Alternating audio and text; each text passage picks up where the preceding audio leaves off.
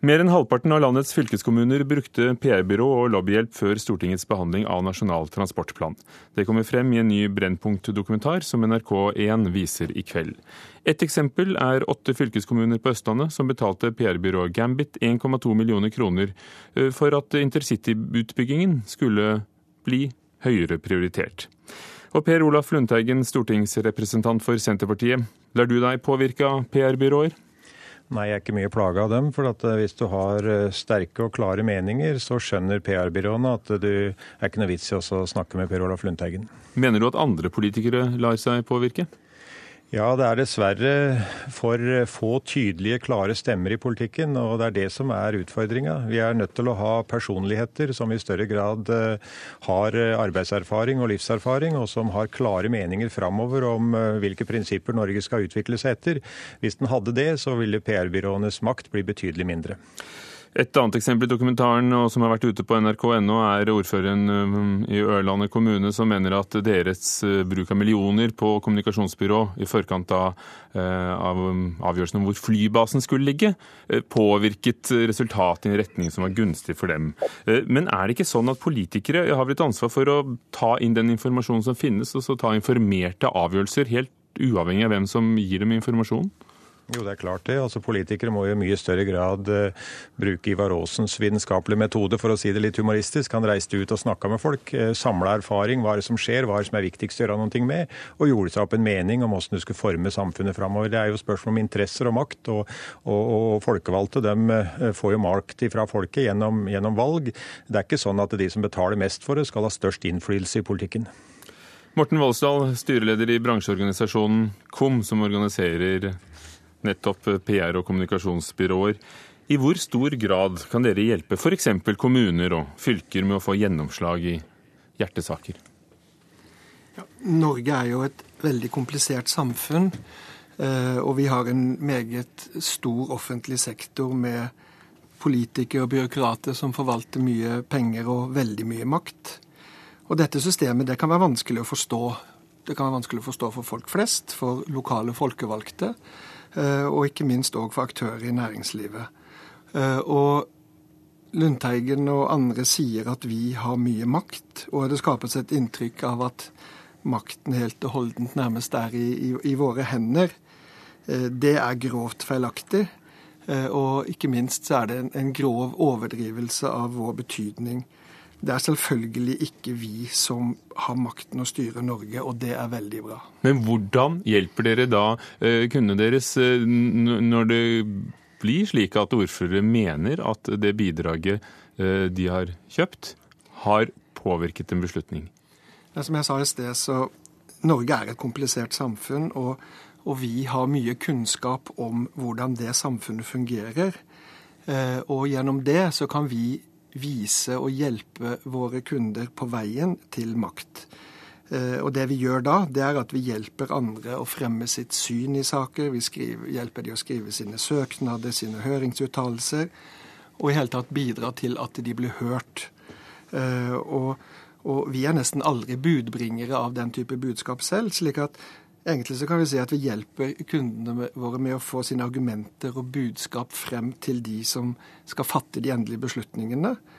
Eh, og da mener vi at, eh, at dermed at grunnlaget for å fatte gode beslutninger blir bedre. Og det mener jeg og vi er positivt for demokratiet, og ikke motsatt. Per Olaf Lundteigen. Ja, dette høres jo veldig tilforlatelig og, og, og, snilt ut. Det er jo hyggelig eh, alt sammen. Altså, En hjelper å skrive søknader, en er ikke så mye framme sjøl. Nei, det skal være sikkert. Altså, Når jeg er i debatter, så skriver motparten leserinnlegg, og det er da skrevet av First House eller et sånt selskap. Altså, Det er jo veldig mange eh, mennesker i den bransjen som Voldsdal representerer, som er tidligere folkevalgte eller tillitsvalgte i partiene. En av dem er jo Bjarne Håkon Hansen, som gikk til valg på Arbeiderpartiets sykehusplan i Buskerud i 2009. Og i dag så får Bjarne Håkon Hansen 6000 kroner timen for å arbeide mot Arbeiderpartiets sykehusplan og for Drammen Høyre sin. Dette her er jo en utvikling som ikke er heldig. Men jeg sier men, men, bransjen... men la meg, Kan jeg skyte inn et spørsmål? For Spiller det noen rolle hvis folk føler at de trenger hjelp til å å, å komme til orde, og, og, og, med å velge sine ord, eh, så er det jo fortsatt avsenderen som står bak budskapet. Ja visst er det det, og derfor er ikke min kritikk først og fremst her mot bransjen. altså For det å prøve å regulere en sånn bransje, det er jo ganske umulig. altså Må jo legge til sist naiviteten og, og Blå Kors her sånn. Skjønne at dette her er noen som vil tjene penger. Problemet er for få sterke politikere. Det er for liten politisk aktivitet. Det er for dårlig ifra de politiske partiene å si hva er en vil med Norge. Hva er en vil med helsestellet, hva er du vil med skaubruket, hva er du vil med fiskeriene. Og så fortelle det i valg at dette står vi for for. Hvis den hadde tydeligere og klarere politiske ledere, så ville handlingsrommet til de her PR-byråene bli langt mindre. Det er mitt hovedpoeng. Og det må vel bli sånn, eh, Morten Voldsdal, at de organisasjonen eller kommunen eller fylkene som har råd eller velger å bruke penger eh, på profesjonell hjelp, får en større mulighet til å påvirke enn dem som ikke gjør det?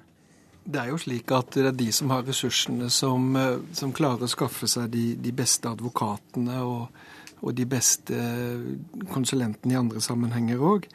Eh, men det er på ingen måte slik at vi kun jobber for de ressurssterke. Vi jobber både for små bedrifter, vi jobber for store bedrifter, vi jobber for organisasjoner som heller ikke har, har store ressurser.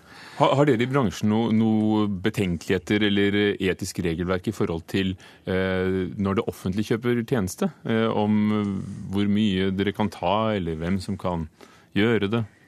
Hvem dere vil jobbe for? Vi, vi har et veldig sterkt eh, etisk regelverk som nå òg er, er, under revisjon. Eh, det offentliges kjøp av våre tjenester er, skjer veldig ofte som et resultat, eller stort sett alltid som et resultat av anbudskonkurranser, hvor den som kommer med det beste anbudet, vinner. Og i den sammenheng så, så teller pris veldig mye.